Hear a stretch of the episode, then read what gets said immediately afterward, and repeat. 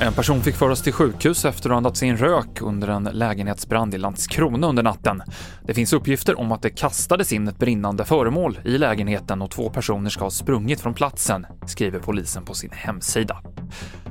Det är en stor trafikdag idag och det väntas vara besvärligt väglag i de mellersta delarna av landet enligt Trafikverkets vägkarta. Det har snöat uppemot en decimeter under natten och i södra Svealand och norra Götaland är det underkylt regn som kan ställa till det enligt SMHI.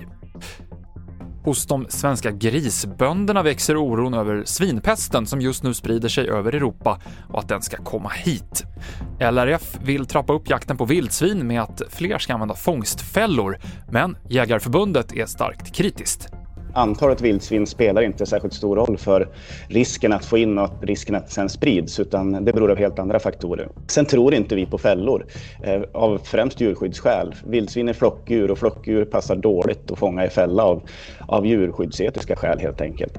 Det sa Daniel Ligné på Svenska Jägareförbundet. Mer om det här på tv4.se. Jag heter Mikael Klintevall.